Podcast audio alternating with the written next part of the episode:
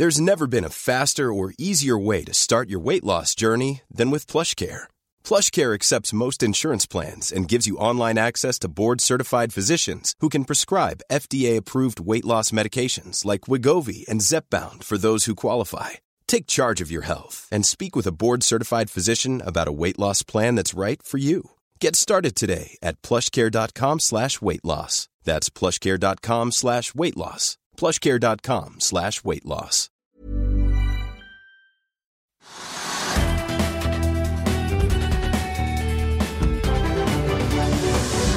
Oljeprisen står i underkant av 64 dollar, og det skal handle mer om olje i dag. Vi har med oss Torbjørn Kjus, sjeføkonom i Aker, men tidligere oljeekspert og fortsatt sikkert veldig investert eller engasjert i oljemarkedet.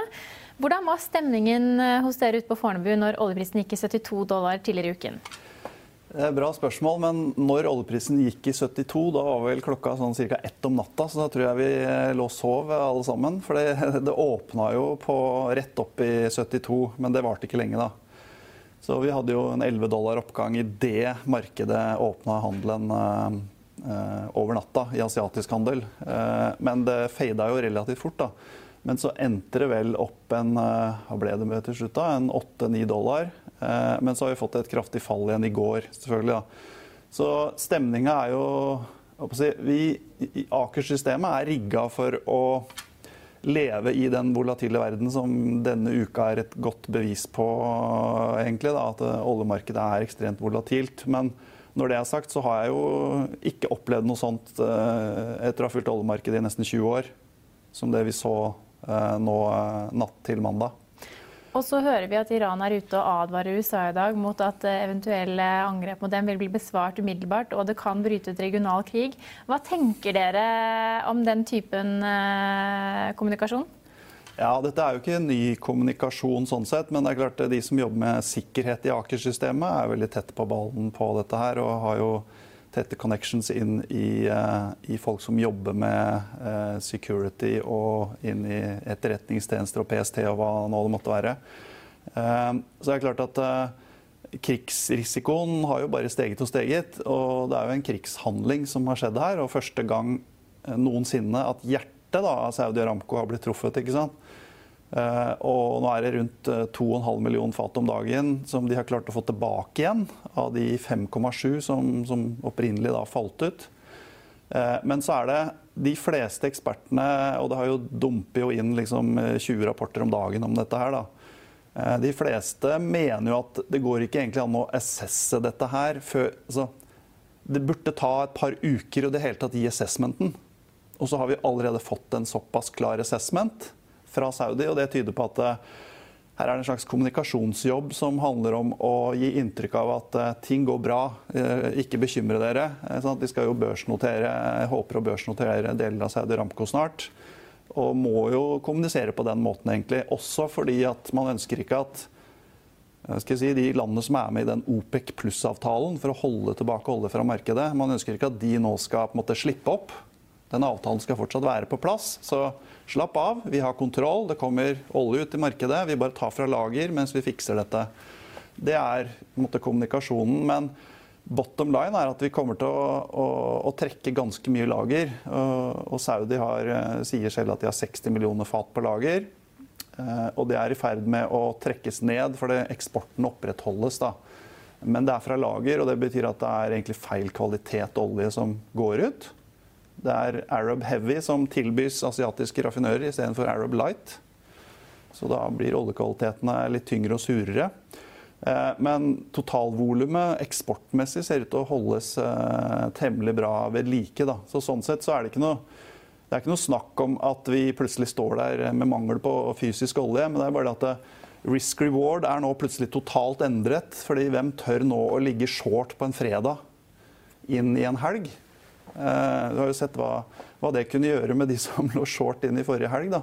Så jeg tipper at eh, det skal veldig mye til å få et nedsalg nå da, til, til noe særlig under 60 dollar fatet. Så vi har vel fått en 4 dollar fatet omtrent på denne incidenten. Men litt ut på kurven så burde vi fått mer. Der har vi bare fått ca. en dollar. Og det er for lite, altså. Men hva tenker du hvis det, spisser, altså hvis det, hvis det tilspisser seg i denne regionen? Ja, altså det neste steget nå, ja, altså det neste steget nå er jo det spennende. Hvem får offisielt altså Iran har jo offisielt fått skylda, men det har ikke lagt frem noe bevis enda. Eh, eh, hvis nå Iran faktisk får skylda eh, via bevis, og, og hvis man hevder at det er skutt opp til og med fra Irans territorium, så, så faller denne bufferen som sikkerhetsfolk snakker om, da, i forhold til at man, eh, man får da responsmønstre som tvinger seg frem, nærmest. da. Eh, og det er klart, Heldigvis så gikk det ikke noe menneskeliv tapt, så vidt eh, vi har kunnet se. Men hadde man hadde blitt drept liksom 100 mennesker her, så hadde også den responsen som kommer tilbake, måttet vært annerledes og tøffere. Men Trump ønsker jo ikke veldig høy oljepris nå inn i 2020. Nei, det og, Og han vet jo at hvis han nå går inn og tar ut et la oss si, iransk raffineri, da, så går oljeprisen videre notches opp. da.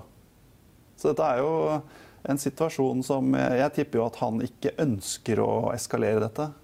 Men, og hvis det skjer noe, så vil det være Saudi antagelig som gjør noe. og det vil ikke ha noe mindre ringvirkning kanskje hvis Saudi gjør noe enn USA? Nei, absolutt ikke. Så volatilt enn så lenge, og, og, og for tidlig å si om, eh, om det lar seg redde inn med det første? Ja, altså jeg, Det man kan dra som bottom line ut av dette, er at eh, tidligere så var kanskje risikobildet at vi kunne falle til 40 og vi kunne stige til 80 fra på en måte de 60. da. Nå er det mer sånn Vi kan neppe falle til 40 nå. Jeg kan ikke se for meg at det er mulig med, med, med den risikoen som nå ligger i markedet. Hvem er det som tør å, å shorte dette oljemarkedet her? Så, så det har blitt en, en, en endring i den risk reward-perspektivet på hva oljeprisen kan gjøre fremover. Så sånn sett så, sånn at I fjor så krasja oljemarkedet fra 87 eh, dollar fatet eh, på, på det beste. og så Inn i Q4 så kollapsa det. Det er veldig vanskelig eh, å se for seg at noe lignende kan skje i år når vi har denne type incident bak oss. For nå har man bevist at det er mulig å treffe rett i hjertet på, på Saudi. da. Og, og hvorfor skal det nødvendigvis være siste gang da? Vi vet jo at insentivene ligger der til å holde dette ved like. Ja. Din hverdag som sjeføkonom i Aker, hvor mye består den av olje? Jeg vil si at det er sånn 50-50 nå mellom eh, Jeg har jo to roller. Ansvarlig for Investor Relations har jeg fått eh, ansvar for også de siste månedene. Og så er det å, å følge makromarkedene, der, eh, der olje selvfølgelig er det viktigste. Så jeg har jo fortsatt de samme modellene og måter å trekke markedene på. Men nå lages jo mine rapporter kun til internt bruk. da. Og havvind der, hvor stor del er havvind av det store bildet? Det, ser at Aker skal ta opp konkurransen med Equinor om å bli store på havvind. Ja, dette er jo prosesser som er pågående nå inn i Aker-systemet. Så jeg tror ikke jeg skal kommentere for mye på eh, som, hvordan det kommer til å se ut eh, med havvind fremover. Men Aker gjør jo mer enn bare det eh, i forhold til si, miljøperspektiver. Det er også carbon capture eksempel, er en, eh, en stor bit i type Aker Solutions. da. Eh, Så det er jo eh, det er en, en, en sektor som kommer til å bli stadig viktigere, og som, eh, som Aker må være med på. Men det skjer jo også oljespesifikke spennende ting i Aker-systemet. Hvor mange ganger har du vært i Ghana det siste året? Ja, jeg har akkurat tatt vaksiner for å kunne dra til Ghana. Eh, Jeg begynte jo i Aker for et halvt år siden, så nå neste uke så har vel vaksinen satt seg, tror jeg, så det går an å dra. Eh, Så det blir nok, eh, det blir nok en tur dit også, ja. Hvor viktig er dette prosjektet for Aker? Det er et viktig prosjekt. Altså, Ghana er jo en historie der sant, geologien er lik Norge. Man har et ressursgrunnlag som er gigantisk. Man har en, en type spillere som gjør at det er ikke Oil majors er ikke på plass i samme grad som i type Angola og andre land, så det er mulig for Aker å konkurrere. Og så har man denne, dette fotfestet der man er i stand til å lage et fully fledged oljeselskap i løpet av et år. Da, bare ved å ta fra de forskjellige delene i sant? Du har Aker Solutions og Aker BP osv., hvor du kan sette sammen team som plutselig har et nytt oljeselskap. Eh, Så, så det er jo egentlig det store ressursgrunnlaget og det at man har dette fotfestet i Ghana fra før av, og Norge har mye relasjoner til Ghana.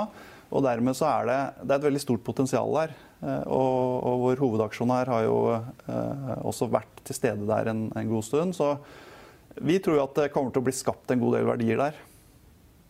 Og du, når går første tur til Ghana, da? Nei, det er ikke satt ennå. Det er ikke satt ennå. Men eh, jeg har hørt at du nærmest løper rundt, eller i hvert fall kommuniserer utad, at hvis man kjøper Aker, så får man nærmest de andre selskapene gratis. Det høres jo veldig lukrativt ut, men hva betyr det? Nei, altså Historisk sett, så hvis du ser på Aker ASA, så er det et selskap som er et eierselskap. Eh, og for eh, ja, åtte-ni år siden så var jo eh, bare 50% av det eierskapet børsnotert, kan du si. da.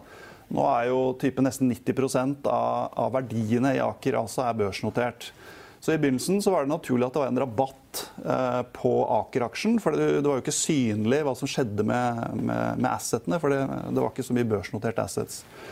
Eh, det, så, så, Denne rabatten har da falt nedover eh, fra 50% da til nå rundt 20% men den har vært nede i 10 eh, vil si at eh, Men nå er den 20 igjen. Og, dette, så dette svinger jo gjennom, eh, gjennom året.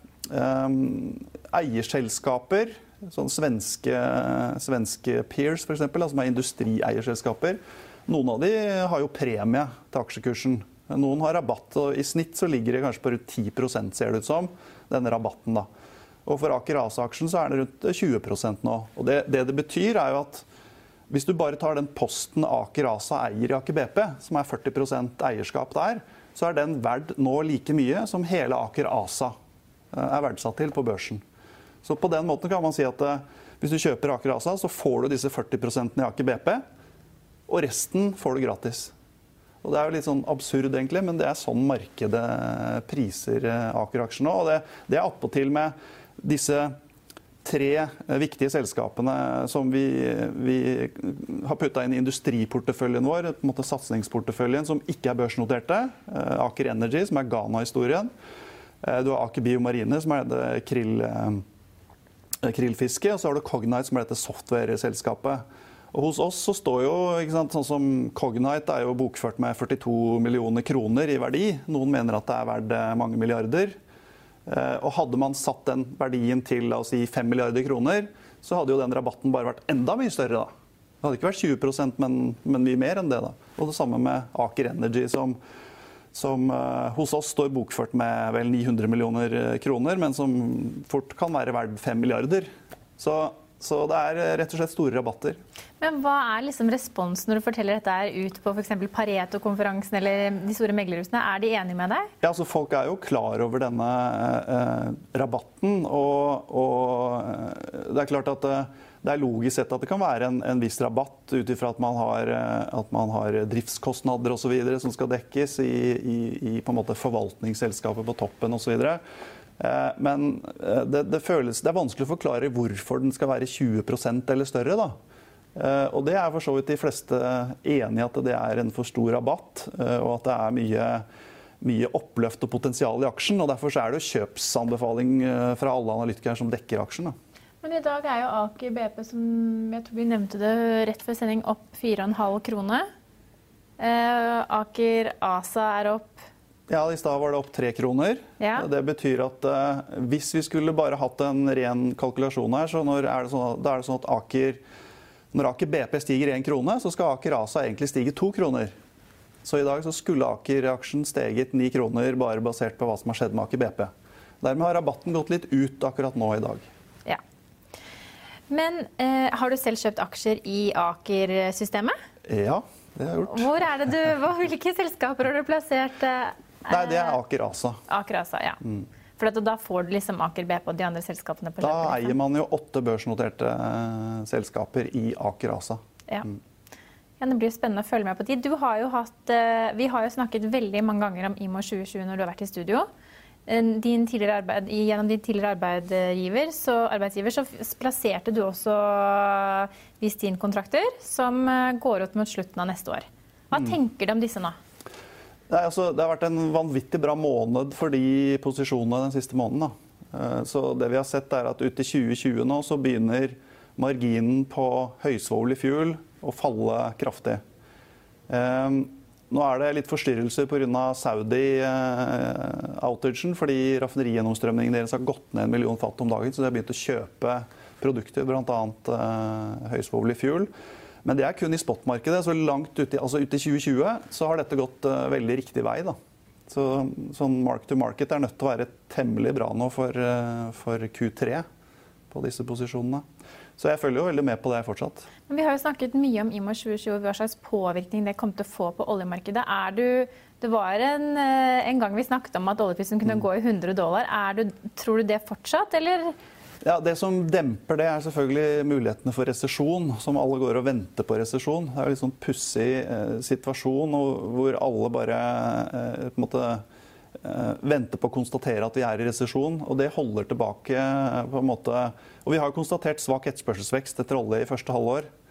Eh, nå forventer jeg en god del bedre i andre halvår, også fordi første, andre halvår i fjor var såpass svakt, så det blir lette sånn comparison-tall. da.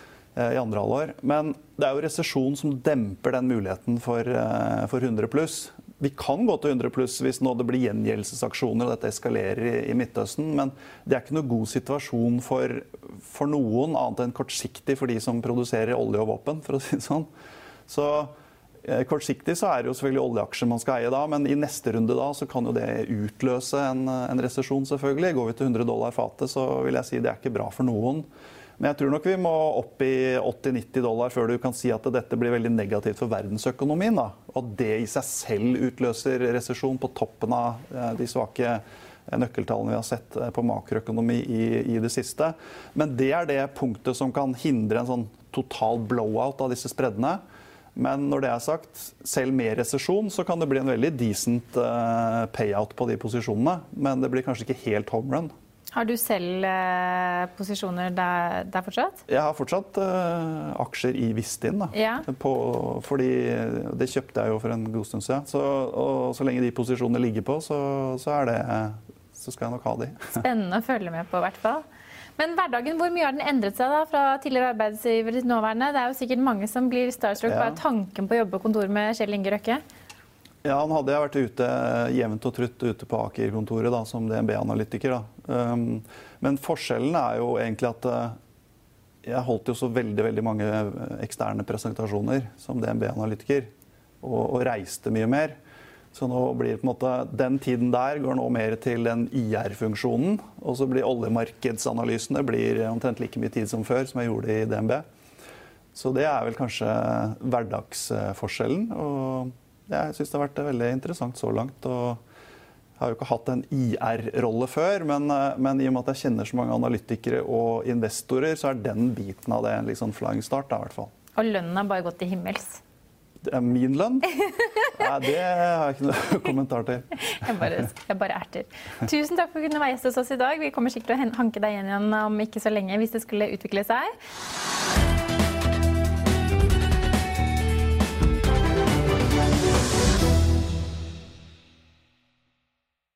Økonominyhetene er en podkast fra Finansavisen. Programledere er Marius Lorentzen, Stein Ove Haugen og Benedikte Storm Bamvik. Produsenter er Lars Brenden Skram og Bashar Johar. Og ansvarlig redaktør er Trygve Hegnar.